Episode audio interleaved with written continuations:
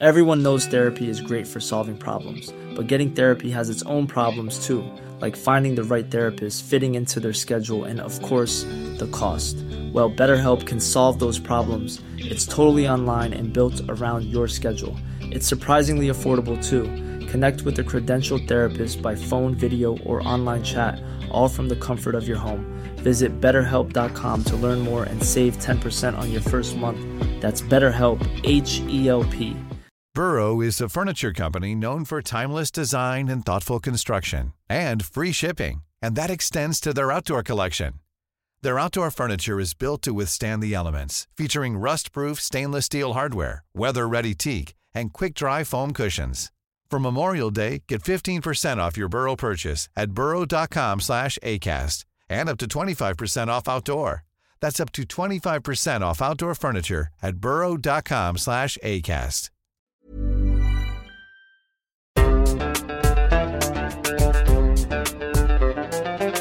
بودكاست صوت.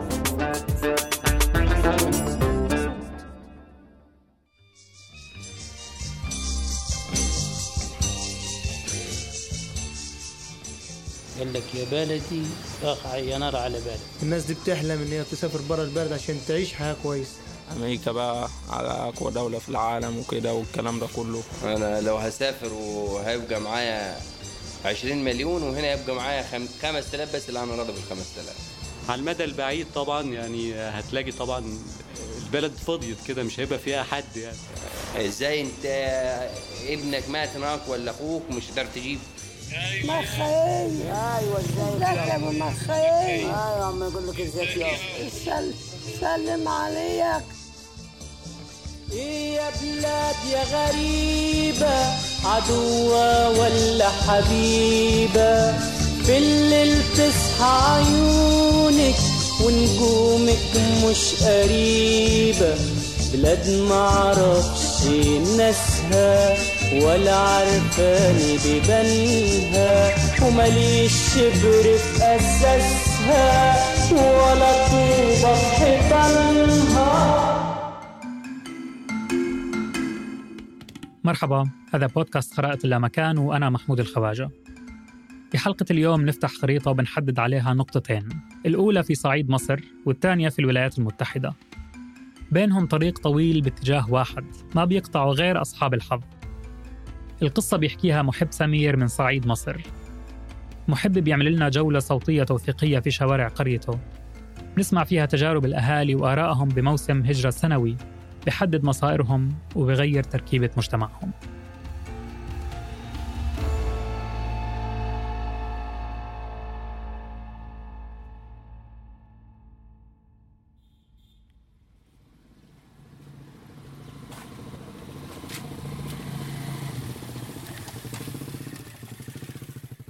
البرشا.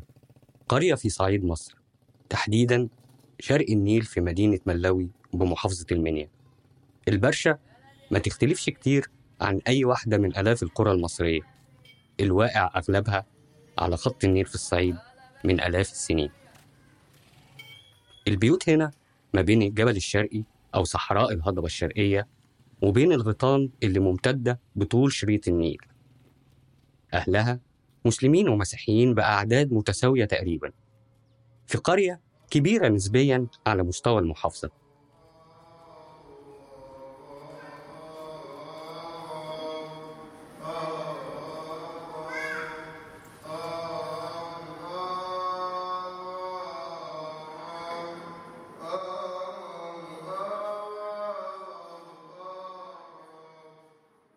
هنا في البرشا في موسم هجرة للمسيحيين كل سنة. الناس هنا طبعا بتستنى بتستنى ميعاد تقديم الهجرة ده من السنة للسنة إنها تقدم. كل واحد بيحلم إن إن يجيله مثلا فرصة زي كده. ده ميخائيل ابن حنا جاري في البرشا وواحد من اللي بيحلموا الحلم ده من سنين. بص يا الناس بتكون مستنية شهر عشرة ده بفارغ الصبر. أكتر ما بتكون مستنية شهر خمسة تظهر في النتيجة.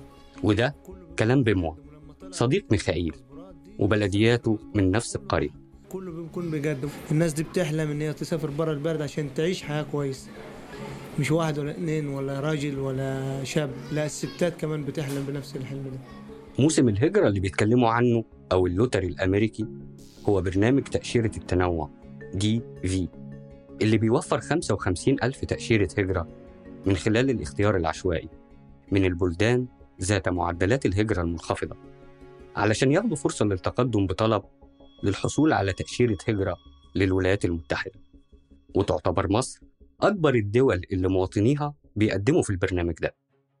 وصل العدد لمليون طلب السنة اللي فاتت. في حين بيتم اختيار 5000 طلب بس من بينهم كل سنة.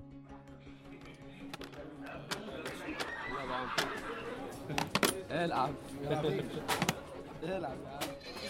أجيب لك تاني أجيب لك حاجة تاني غير تحمقت العصر أنتوا صحاب أنتوا الاتنين؟ آه اصحاب ولاد خال ولاد عم كل حاجة مع بعض انت في سنة كام؟ في تانية اعداد يعني انت أكبر من فيلو كام سنة؟ بأربع سنين طب إيه رأيك في مشوار فيلو اللي هيسافر ده؟ آه مستقبل أحسن و... ودنيا حلوة غير الدنيا ديت بقى. انت اتبسطت لما هو جاله السفر؟ أكيد طبعا.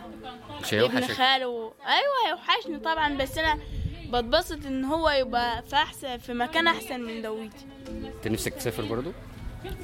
كله نفسه يسافر. بس كل واحد هو وحظه بقى. حتى الأطفال هنا نفسها تهاجر لأمريكا وبتحلم بحياة أفضل. ده فيلو بتير أخو ميخائيل الصغير. البلد مش عاجباه هو وأصحابه. يعني جوها مش حلو. وبص الشوارع عاملة إزاي. إيه، حتى حتى يسلفتوها حتى بص الشوارع عاملة إزاي. حتى ما تعرفش ح- عربية حتى تمشي عليها. وهنا ال- الحاجات ما فيهاش جناين وكده وبتاع. زي ال زي الفيلا اللي اللي فيها جناين كده. هنا البلد ما فيهاش أي حاجة لو اسمك طلع في القرعة تبقى حياتك اتغيرت 180 درجة حرفيا. لأنك في خلال سنة واحدة من سحب القرعة بتكون سافرت أمريكا. وفي غضون خمس سنين أو أقل بتحصل على الجنسية الأمريكية. عم جورج بيدينا مثال على كده. عن ناس غيرت حياة أسرتها بالكامل. في ناس رفعت ن- والديها أكتر. سدد ديون ابوه برضه كان ما يمشي في الشارع كانت الناس متضايقة منه بتاع لما كان رفع أبوه والبيت اللي بقى اتباع اتجاب تاني رجع زي ما هو. وعايشين عيشة نظيفة دلوقتي. كل في ناس كتيرة رفعت والديها. وناس تانية أميين كانوا عمال باليومية في البرشا هاجروا وقدروا ينجحوا. كان الشخصية كان بيشتغل في الاسمنت يشيل اسمنت وده وده وكانت الحالة سيئة على الآخر. قدم زي الناس ما قدمت وربنا كرمه وراح. وصل. تعليمه حتى عيال أخذهم عيال تعلموا تعليم نظيف بقى حاجة كبيرة. ومعاه القرش وكان بيشتغل في الأسمنت مطفلح لما الجيش ما ياكلش. من على مسكينة بس ربنا كرمه. لما راح هناك فتحت عليه علشان كده هنا في البرشا وزيها آلاف القرى. أغلب المسيحيين بيقدموا في ال lottery وبيحلموا بالهجرة لأمريكا في ضربة حظ. خصوصا إن التقديم بسيط ومفيش شروط تقريبا. أي مصري أكبر من 16 سنة ممكن يدخل بنفسه يملى بيانات بسيطة على ال application اللي على موقع وزارة الخارجية الأمريكية. يحمل صورة شخصية له مع الاسم والمؤهل وتاريخ الميلاد لو الطلب فردي. وله ولأفراد عيلته لو الطلب المقدم من رب أسرة. وزي ما مصر بتحتل المرتبة الأولى في عدد مقدمي طلبات الهجرة فالمسيحيين المصريين هم النسبة الأكبر من العدد ده. لأسباب كتير غير الفقر.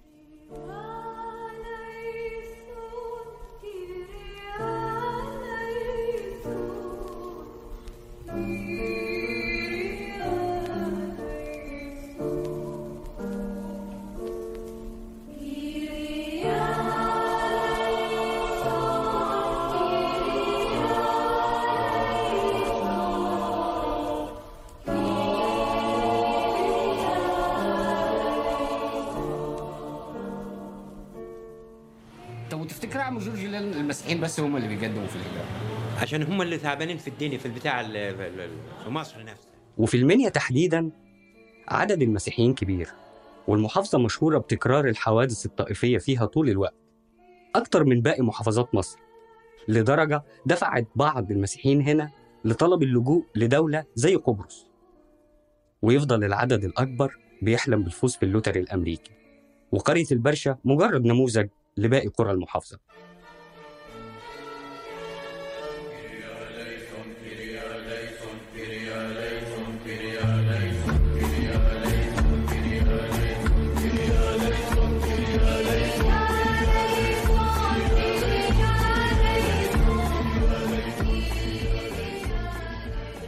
لكن عم صابر والد حنا فلاح مرتبط بأرضه وبيته والوطن بالنسبة له هو القيمة الأغلى.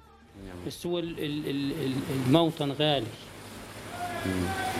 يعني برضو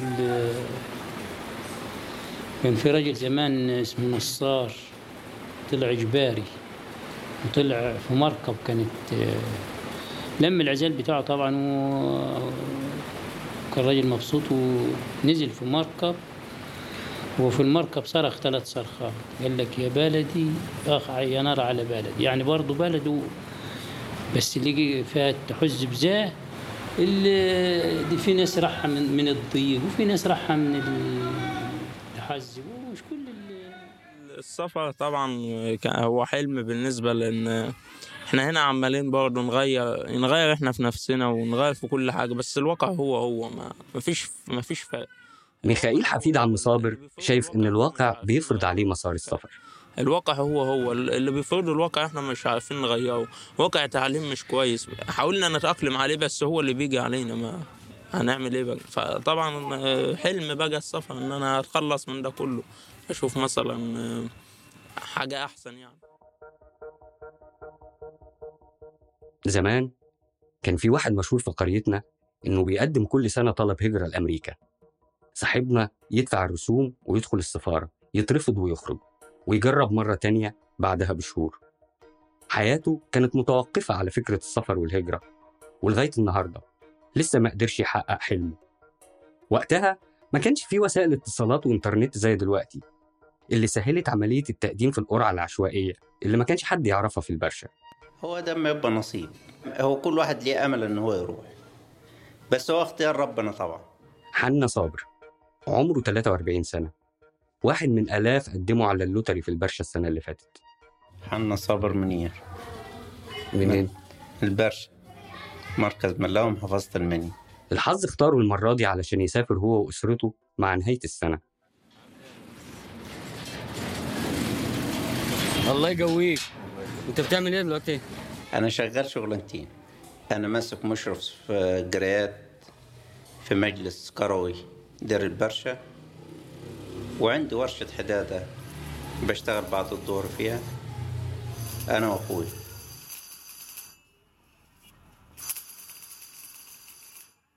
أنت قدمت في ال lottery السنة دي؟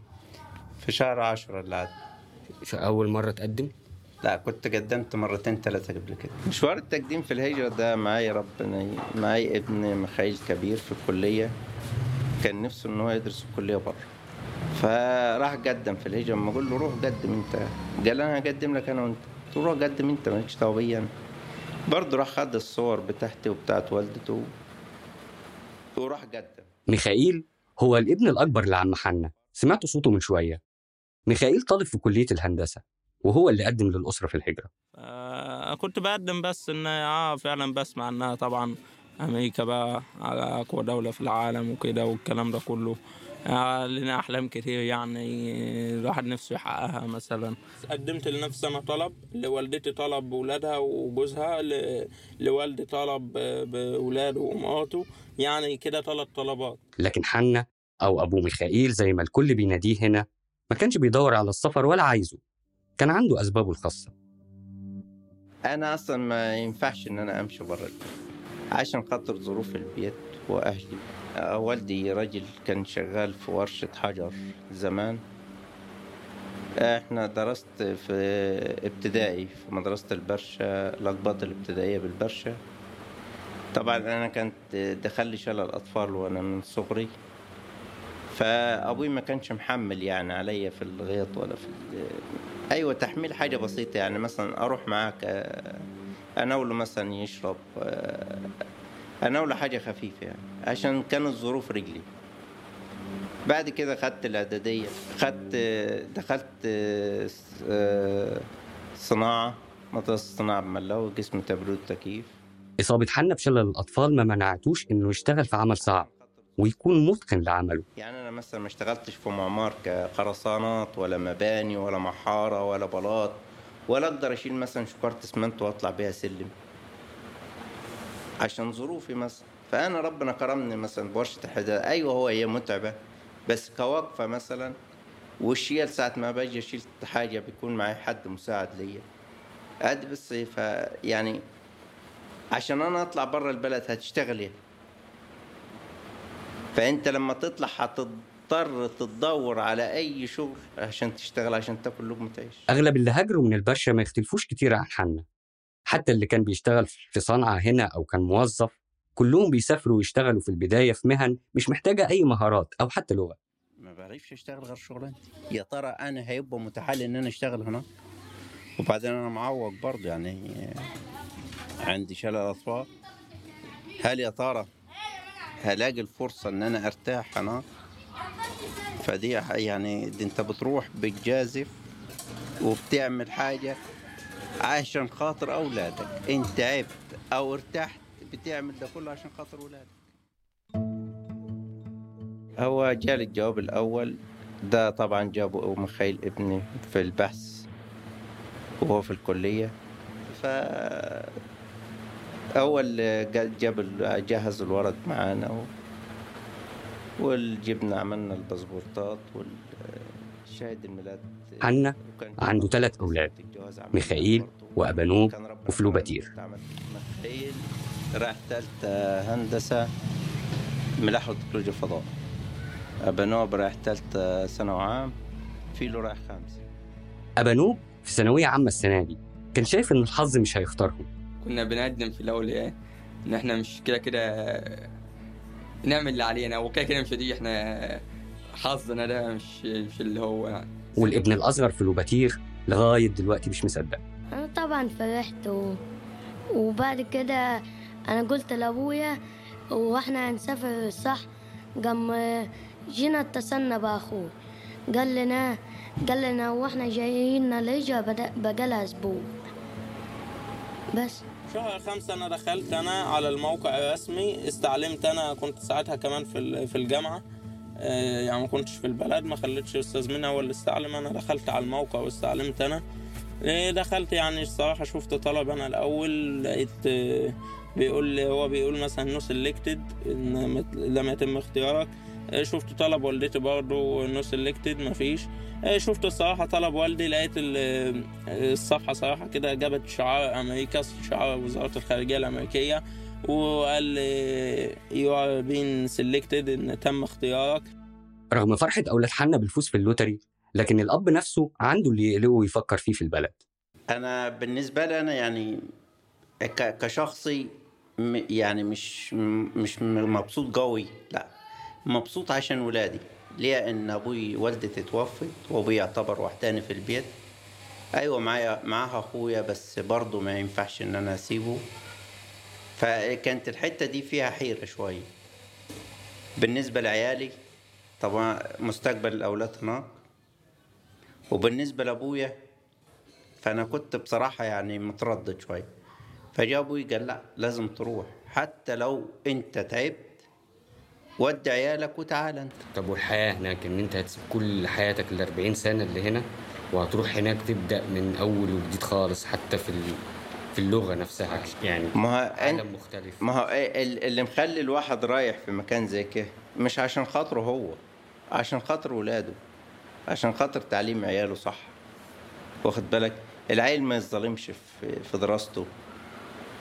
فأنت عشان خاطر ولادك بتعمل المستحيلات عشان تطلع يعني إيه اللي يخليني أنا أشتغل شغلانتين مثلا؟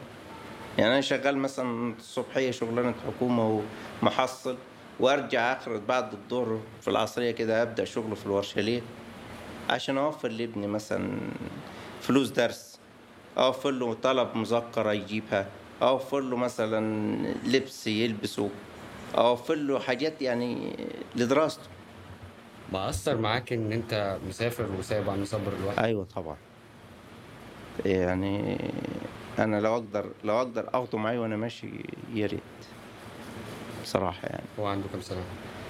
عنده حاليا دلوقتي آه، 63 هو لما جه ال- خبر السفر بتاعكم. كأنه أمي ماتت اليوم ده. إحساسه هو؟ أيوة إحساسه هو إن كأنه أمي ماتت يعني. ابتدى يبكي و...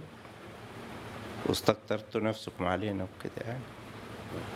بصراحة يعني كان ليه مفاجأة وخاصة معايا يعني. Hey, folks, I'm Mark Marin from the WTF Podcast, and this episode is brought to you by Kleenex Ultra Soft Tissues, your ally to help tackle your allergy symptoms this season. I love the change of seasons, but nobody loves pollen and all those other things floating in the air that make you sneeze during this nice weather. Kleenex Ultra Soft Tissues are hypoallergenic and allergist approved, so fight back against watery eyes and runny noses without worrying about irritating your skin. For this allergy season, grab Kleenex and face allergies head on. Hiring for your small business? If you're not looking for professionals on LinkedIn, you're looking in the wrong place. That's like looking for your car keys in a fish tank. LinkedIn helps you hire professionals you can't find anywhere else, even those who aren't actively searching for a new job but might be open to the perfect role. In a given month, over 70% of LinkedIn users don't even visit other leading job sites. So start looking in the right place. With LinkedIn, you can hire professionals like a professional. Post your free job on linkedin.com/people slash people today.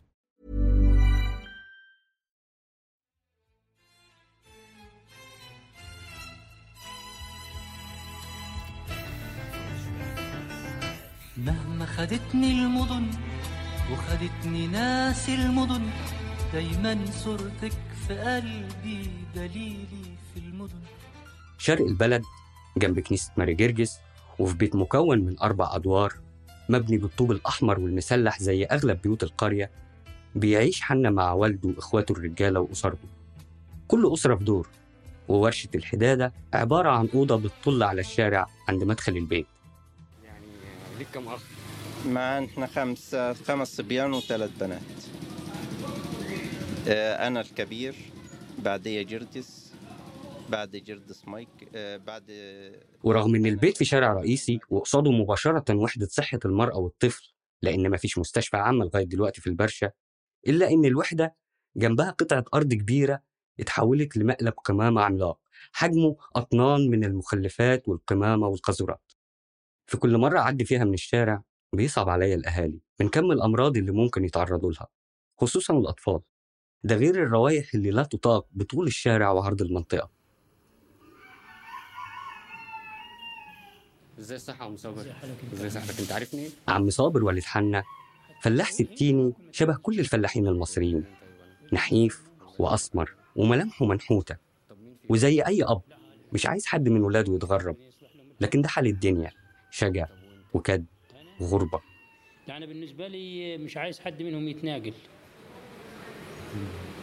لأن أنا برضو يعني الحمد لله آه، أنا معيش إخوات صبيان غير ربنا وأنا معدن الحمد لله. وطلعت يعني آه، اتكلت على الله وربنا ادانا ومعدن ومبسوطة الحكاية والحمد لله. وولادي ده يعتبروا مش ولادي بس ولادي وإخواتي و... طبعا أمهم توفت وأنا يعني برضه مش محتاج للعيال مش مش مش محتاج لهم. محتاج لهم مش في مش مش عشان حاجة مادية لا. ال- الراجل مش الفايدة في الفلوس والمادة والبتاع. الراجل الراجل في كتف أبوه لا أكتر ولا أقل. على عكس الأب اللي اتربى وحيد حنا عنده تمن إخوات. هو أكبرهم. لكن ده مخليه طول الوقت حاسس بالمسؤولية تجاه الكل خصوصا بعد وفاة الأم.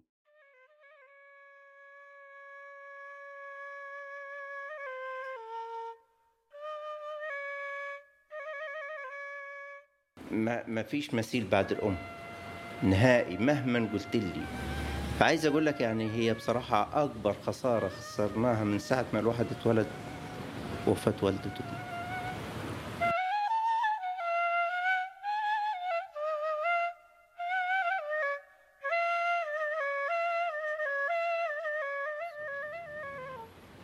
كان نفسك خالته أم حنا تكون موجودة الله يرحمها الله يرحمها بأمر ربنا.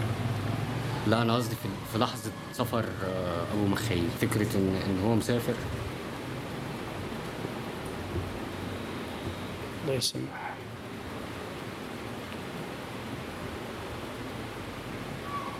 طب هي لو كانت موجودة كانت هتنصح أبو مخيل بيها.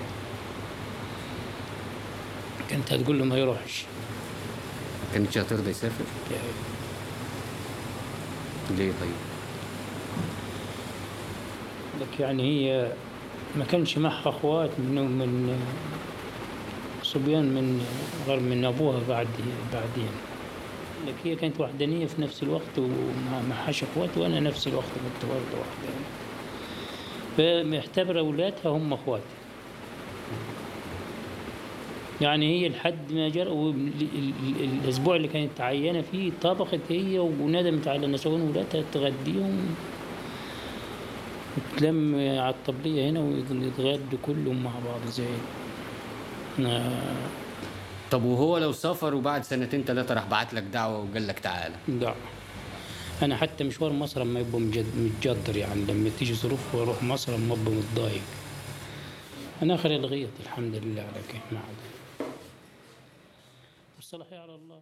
ملامح حنا ونظرته لوالده وهو بيتكلم مليانة مشاعر متلخبطة. ما أقول لك إحنا بالنسبة إن أنت هتسافر أنت طالع من ينينا ركن سد وكبير. آه واحد آه من إخواتي بيقول له أنت عكازي اللي أنا بتعكز عليه. أنت الإرشاد اللي بترشدني بيه. يعني هو هقول لك هو هنا في البلد آه، الدنيا تاني بصراحة إن أنا مرتاح. مع جملة حنا الأخيرة دخل علينا أخوه الأصغر مينا اللي كان لسه راجع من شغلانة حدادة بره. طب اتفضل يا تعالى تعالى أنا هقعد على الكرسي الصغير جنبك ما أنا هقعد عشان المايك لازم يبقى جنبك. بس والله هو السفر إحنا مش حابينه أصلا إلا ابن خيي آه بس في نفس الوقت ما ينفعش أقول له ما تروحش. على عكس حنا مينا عنده وجهة نظر مختلفة تماما لمسألة السفر والهجرة. وده شيء نادر في قريتنا اللي بيسعى فيها أغلب الشباب اللي زيه للهجرة بأي شكل. لكن مينا مرتبط بحاجات تانية شايفها مهمة علشان يكون سعيد. هو هناك حياة حلوة ولولاده حياة حلوة آه، تعليم. ومستقبل. بس في نفس الوقت يعني هنا بلدك مهما كانت أنت عارفني وأنا عارف غيرك. ولو أنا التقيت بيها الظروف هلاقيك تلاقيني. فهنا هنا اختلاف في مصر في اختلاف أي دولة. غياب أخوه الكبير فارق مع مينا جدا. العزوة طبعا والوحدة يعني هو هيبقى وحداني مش هيعرف أي حد. العزوة دي برضه لها تمن. والغربة مهما كانت فلوس مش كل حاجة.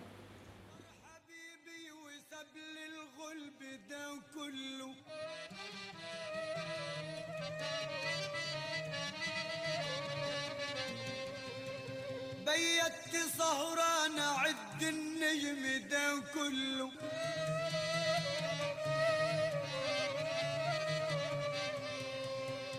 أنا مسافر وماشي من بلد وسايب الأحباب.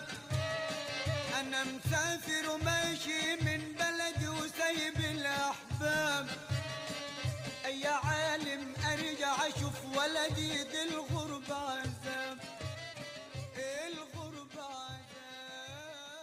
مينا هو الأخ الوحيد من إخوات حنا الرجالة اللي مستقر مع العيلة في نفس البيت؟ عمره 30 سنة ومتجوز وعنده ثلاث أطفال. أيوه عندي أولاد عندي ثلاثة لافانيا ومريم وكراس ربنا يخليهم.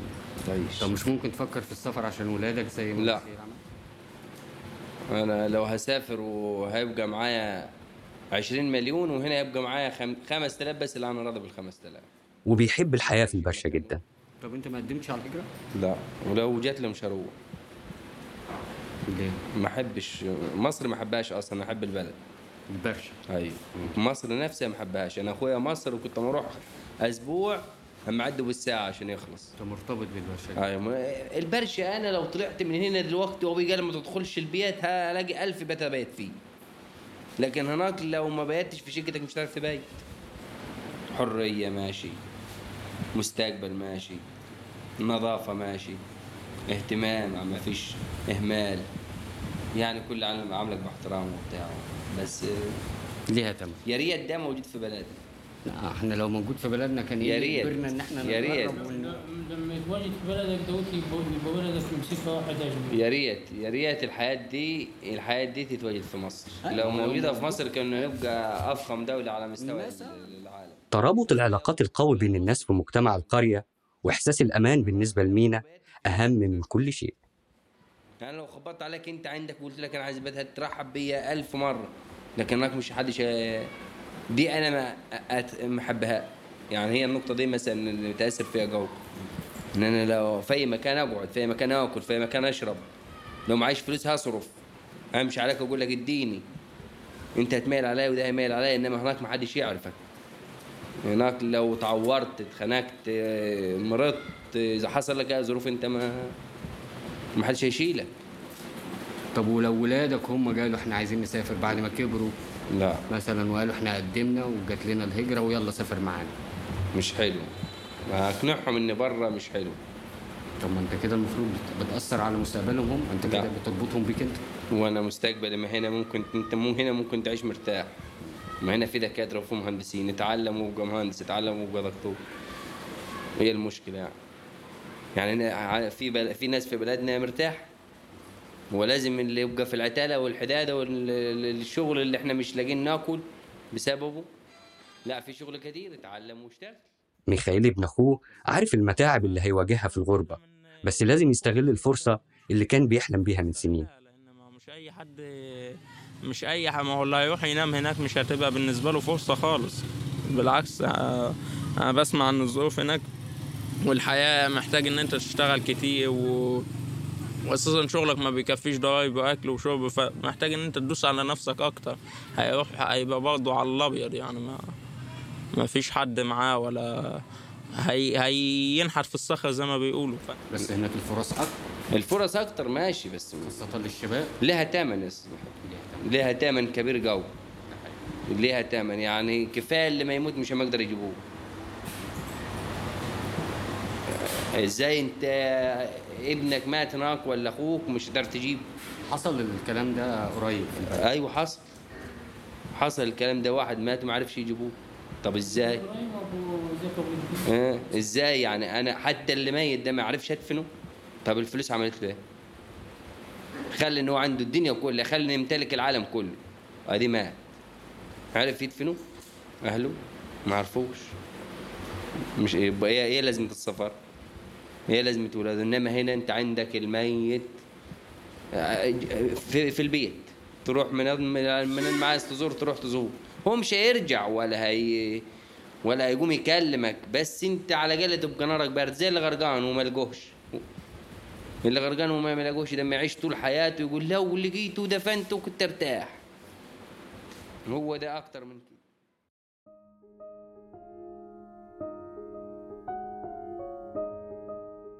الحديث عن ثمن الغربة فكرني بقرار المصيري الحياتي اللي أخدته من ست سنين. لما قررت أرجع أعيش وأستقر في البرشا بعد عشرين سنة اشتغلت وعشت فيها في القاهرة. ورغم إنها كانت هجرة داخلية وكنت بزور القرية كل سنة لكن لما رجعت ومشيت في شوارعها وتعاملت مع ناسها وتفاعلت مع حكاياتهم قعدت اكتشافهم واكتشافها من جديد. ده وأنا داخل على سن الأربعين. اكتشفت قد إيه البلد اتغيرت والعيشة والناس مش هي هي وقد إيه الهجرة أثرت على البرشا وعلى ناسها. حاجات ما كنتش شايفها وأنا عايش في القاهرة. مش حلو. السفر مش حلو صدقني مش حلو مش حلو. دي غربة. والغربة لوحدها بثمن كبير مش هتعرف تعوض. الغربة مش بيعرف ينام مش بيعرف يتكلم معاه. ده عندنا بنت عمتي في أمريكا مش بتعرف تكلم أمها غير لما تبقى في ال... في نص الليل عشان تكلمها فرق الساعات عمتي تقعد مصلوبة كده وقت عشان خاطر تطمن عليها. وتكلمها وتكلمها وهي بتعمل أكل تكلمها وهي بتعمل حاجة في المطبخ. هي مش عارفة تكلمها. طبعا مش عارفة تكلم بنتها. ولا شايفاها غير كل ست سنين مرة كل ثلاث سنين مرة. في حد حكى لي على واحد إنه قاعد مش عارف سبع سنين هناك؟ ورجع؟ وما ارتاحش ما هناك ارتاحش ورجع. قعد أو ما لقيش شغل أو فشل في حياته عادي. هو كان شغال وكل حاجة بس ما عجبتوش العيشة اللي أنت بتقول عليها دي. ده حياة كتيرة حياة كتيرة أنت هنا تملكها. عالم رايحة وجاية وأنا مين وفين مكاني؟ عالم رايحة وجاية وأنا مين وفين مكاني؟ وإيه آخر الحكاية؟ وإيه اللي رماني؟ يا خطوية الغريبة إيه يا بلاد يا غريبة؟ عدوة ولا حبيبة؟ في الليل تصحى عيونك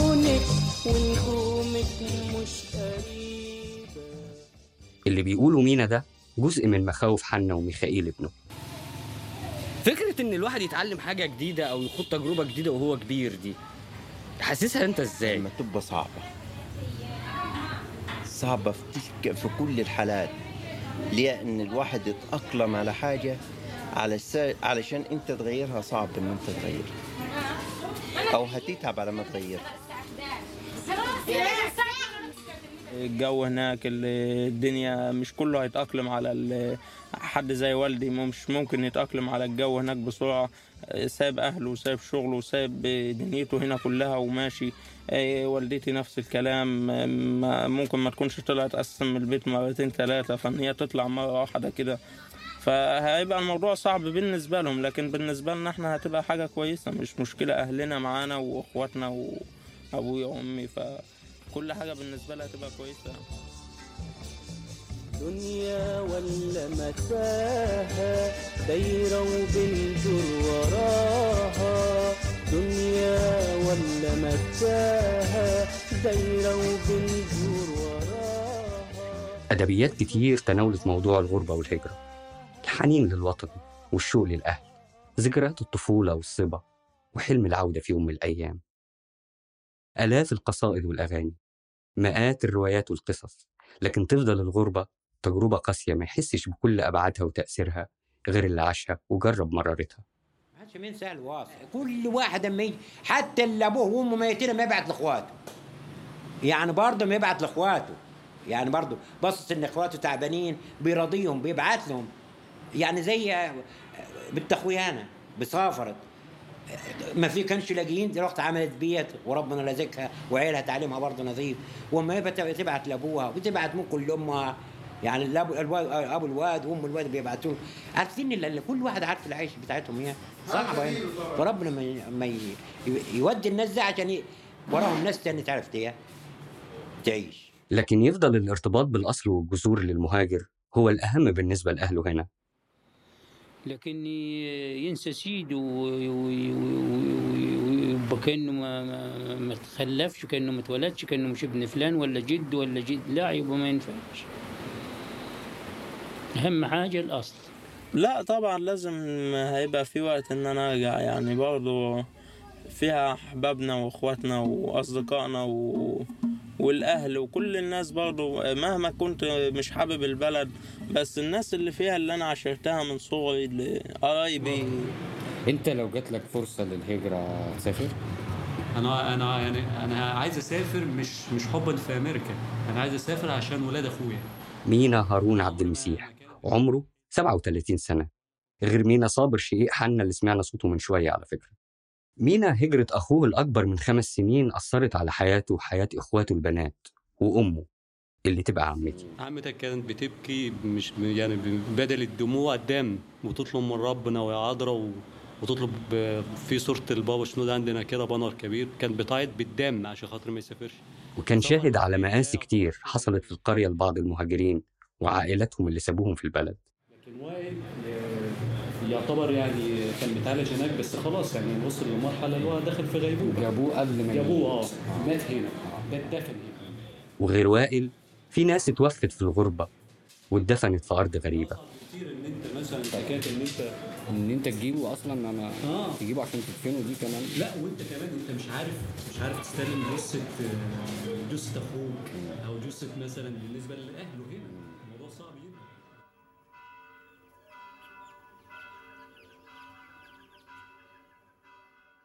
بالنسبة لهنا طبعا يعني الكنيسة ومراسم الد- الدفنة وبيصلى عليه في الكنيسة فأنت دلوقتي مش عارفين يستلموا الجثة الناس كمان. آه وكمان الناس بت يعني مش عارفين يستلموا الجثة دي ويستلموا الكفن عشان يدفن هنا. فالموضوع إحساس صعب يعني الله يكون في عونهم يعني. عرفت قد إيه الغياب مؤثر على الأهل مش من تجربة غربتي أنا لكن لما شفت حزن عمتي على غياب ابنها. لا ده عمتك ده حاجة فظيعة. أنا مش عايز أحكي. ضايعة أنا عايز أنت اللي تحكي. لا عمتك ضايعة من بلا مخي وإزاي اتحولت من ست الضحكة ما كانتش بتفارق وشها لواحدة تانية على طول حزينة وبتبكي. كل ما تيجي سيرة ميخائيل ابنها. والبيت اللي ما كانش بيفضى من الأحفاد واللعب والجري. لبيت تاني عشش فيه الحزن والكآبة. البت ما- ملوش لازمة. من بلا مخال ولاد مخاي بس. آه، متأثر أنا بالجو قوي. عاوزة يجي بيها طريقة. يا توديني أنت هناك. نادية واحدة من بنات عمتي متجوزة وعايشة في بيت بعيد بقالها 15 سنة. رغم كده سفر أخوها كان تجربة صعبة عليها ومش قادرة تتخطاها لغاية النهاردة. أنا حاسة إن أنا اتجوزت وبعدت عن أهلي متى ياما مخال راح أمريكا. حاسة إن أنا اتجوزت بس. تقدروا دلوقتي تتخيلوا حالة أمه عمتي. اللي فجأة لقت ابنها الكبير عمود البيت قرر ياخد مراته وأولاده اللي روحها فيهم ويهاجر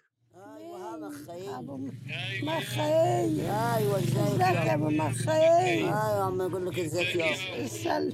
سلم عليك سلم عليا ما يسلم عليك لا أمك روحت عليا لا ما راحتش. طيب طيب يا أخوي وعدوا الحبايب يا واد. يغيبوا يوم أدلهم عام وده التاني وطال الغياب عليا ولا ضمن اللهجة تاني والقلب مشتاق عليهم على الله يرجعوا تاني. ومينا. الأخ الأصغر لميخائيل اللي ما كانش شايل همه طول ما أخوه الكبير موجود بقى هو الكبير والمسؤول. أكيد يعني الموضوع مش سهل يعني عليا و... وبالنسبة لي أنا شخصيا أثر يعني تأثير يعني سلبي مش إيجابي في اللي أنا يعني شلت لود أكبر من من اللي أنا يعني أكبر من عليا. وكمان أنا يعني بالنسبة لي يعني بالنسبة لموضوع سفر مخايل يعني وفرق أكتر بالنسبة للبيت يعني بالنسبة لوالدتي وبالنسبة لأبويا وبالنسبة لعمتي. آه، وخصوصا طبعا عشان خاطر أولاده. أنا عمري ما ما كانت بالنسبة لي حلم ولا كان طموح ولا فكرت إن أنا أساسا أسافر. حتى يعني كنت بقدم للناس وأنا ما كنتش بقدم لنفسي. بس حاليا لا يعني أنا يعني كان بالنسبة لي هدف أو حلم أو اللي أنا مثلا يعني طموح إن أنا عشان خاطر عايز أبقى يعني أبقى موجود مع أولاد أخويا. ده هدفي بالنسبة لي لكن لا فارقه معايا لا عيشه ولا فارقه معايا في فلوس ولا فارقه معايا أي حاجة تانية. اللي فارق معايا إن أنا أبقى موجود مع أخ- أولاد أخويا. الأحفاد مينا ومارفي ومورا. والأخيرة هاجرت مع أبوها وأمها وهي عمرها سنة بس. كانوا بالنسبة لعمتي هم روحها يا مينا يا مينا. اسم الله عليك يا أبوي بالسلامة. عم يقول لك ازيك يا ما ازيك يا مارفي من يوم ما غابوا طفى نوري وفرشة لم.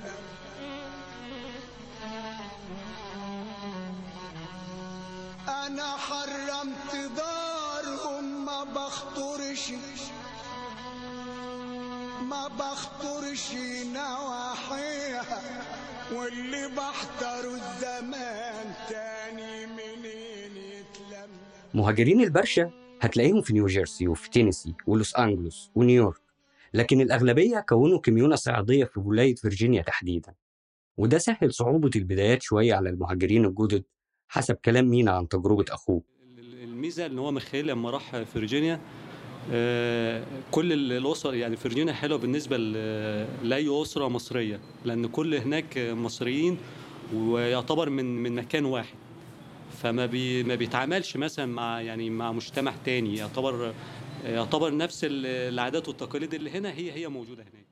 ودي نفس الولاية اللي اختارها حنا صابر علشان يعيش فيها هو وأسرته لما يسافروا لنفس الأسباب تقريبا. معي مخايل سأل على الكلية بتاعته فين المنطقة أو الكلية اللي هو عايز يدرس فيها. لقيها يعني مرتاحة جو في فيرجينيا فاتصل بالأستاذ جرجس كرومر بصراحة الراجل يشكر كتر ألف خيره. ما قصرش معانا في أي حاجة بعت العنوان بتاعه ورقم تليفونه. وساعة ما جه هنا زيارة البلد رحنا قعدنا معاه استرحب بينا جامد وشخصية محترمة جدا جدا. جرجس كرومر برشاوي مهاجر هو وأسرته من عشر سنين ومستقر في فيرجينيا وهو جار حنا صابر في البلد. وزي أي كميونة في غربة بتبقى مرتبطة بعادات وتقاليد الوطن الأم والحياة المحافظة. مع زيادة الشعور بالحاجة للارتباط بالجماعة وعدم الابتعاد عن الأصول والأعراف. أيوه طبعا دي أهم حاجة اللي هي قد قالها لي يعني اب كان خلي بالك من عيالك خليهم يتعلموا تقاليد بلدك. دي أول كلمة قالها لي يعني ساعة ما أول ما عرف قال لي أنت هتسافر يا حنا قلت له رأي قدسك يا قالها أنصحك نصيحة واحدة. خلي بالك من عيالك رقم واحد. خلي بالك من عيالك وعلمهم تقاليد بلدك. دي رقم واحد. الجيل التاني من الأبناء بيتجوزوا من نفس الدايرة الاجتماعية واللي مهاجر أعزب بيرجع يتجوز من البلد وياخد مراته ويسافر. وده اللي بيفكر يعمله ميخائيل حنا. ممكن بعد كده إن أنا بثق يعني في, في, في ناس مثلا في البلد وكده إن أنا أخاف ممكن إن أنا أخطب بعيد عن البلد وأتجوز بعيد عن البلد لأن أنا واثق في الناس هنا. فممكن ما ألاقيش ما يعني ما ألاقيش بنت الحلال دي مثلا ما ألاقيش ممكن ألاقيها في البلد. فأنا لا ممكن آجي البلد برضه دي حاجة تبقى أساسية بالنسبة لي. أو ممكن ألاقيها هناك تبقى حد من البلد برضه لأن أنا صراحة في الموضوع ده مش حابب أبعد عن البلد. ودي كانت نصيحة القسيس في البلد لوالد ميخائيل. قال له حتة تانية أقولها لك. لما ربنا يكرمك وتجوز عيالك ما تجوزهمش من هناك. حتى لو البت قاعدة هناك من بلدك ما تجوزهاش برضه. قلت له ليه يا أبونا كده؟ قال الكلام اللي بقوله لك ده تسمعه. بس تفضل أكتر حاجة بتؤرق أي مهاجر في البرشا بناته لما يكبروا في مجتمع غربي منفتح. وده اللي بيتفق عليه الجميع هنا. الخوف بالنسبة مش مش ال- الأولاد الخوف بالنسبة للبنات. لأن أنت طبعا هناك الحريه زيادة وثقافة وممكن مثلا يعني تمشي في مع موجة الأمريكا والكلام دوت فالموضوع هيبقى صعب يعني. بس ايا كان حتى لو عادات وتقاليد بس لما يبقى البيت كويس ومتربين كويس يعني أب وأم مصريين معلمينهم ال- ال- العادات وتقاليد وده صح وده عيب فأكيد طبعا لأ يعني. بس لغاية سن معين مش هيقدروا يسيطروا على ال- الأطفال هناك. هو الشباب ما تخوفش هو تخوف البنات هنا. دي من وجهة نظر يعني. الشباب لأن هناك ال- ال- الحرية زيادة عن اللزوم و... وممكن ينحرف ال- ال- الشاب وهو طالع لسن. ممكن يمشي مشي مش حلو. ممكن يبوظ مع ال- الاهمال. أبوه مش فاضي من الشغل أمه مثلا ممكن يكون شغال عشان تلحق المصاريف. والعيل ممكن يتجه ل- ل- لناحية إن هو يصاحب حد مش حلو يشرب حياة مش حلوة. هناك طبعا ما حدش هيقول له أنت ما تعمل إيه. خصوصا لو الأطفال دي اتولدت هناك أو سافروا وهم صغيرين زي أولاد ميخائيل ابن عمتي. هو أنا بالنسبة لي يعني بالنسبة لمينا مينا يعني بعد أربع سنين آه، سفر يعني رجع مينا ما يعني ما اتغيرش كتير يعني. لأن هو كان مسافر وهو يعني كان سنه كبير كان مسافر وهو في يعتبر في في في ابتدائي. فكان سنه كبير وواعي وفاهم. لكن بالنسبة في أطفال تانية أصغر من مينا دول كانوا في حضانة. فدول لما سافروا هناك اتاثروا طبعا يعني التاثير بالنسبة للتعليم.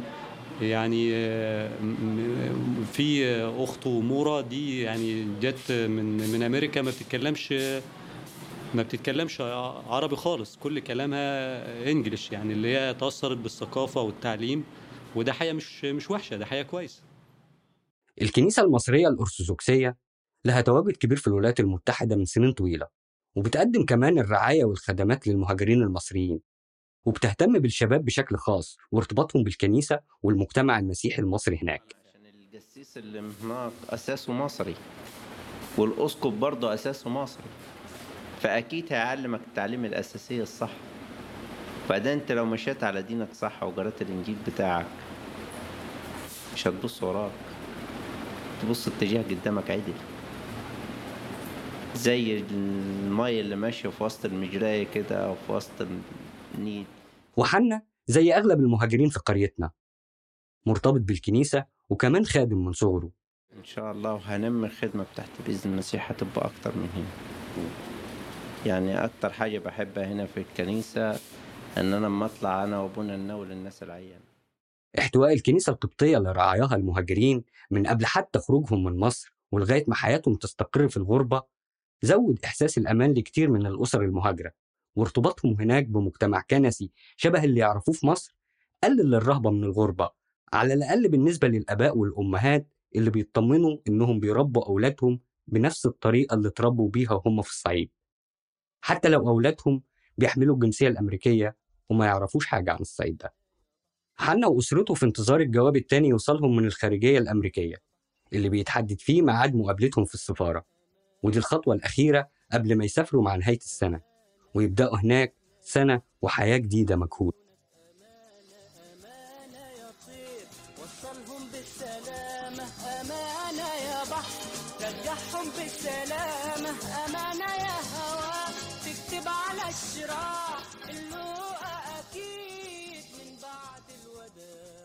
الوداع النهاردة في 2023 الأسرتين ثلاثة اللي كنت أعرفهم مهاجرين من قريتي من 20 سنة بقوا عشرات الأسر المهاجرة.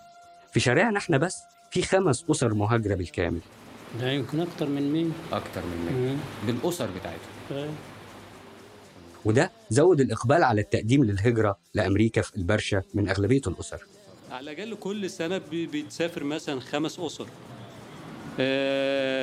من النادر لو ما يبقى مثلا واحد آه، اللي هو مثلا يعني single بيسافر بس الأغلبية بتسافر أسر حتى لو كانت بأعداد قليلة مع الزمن وبمرور السنين بتأثر على التركيبة السكانية للمنطقة.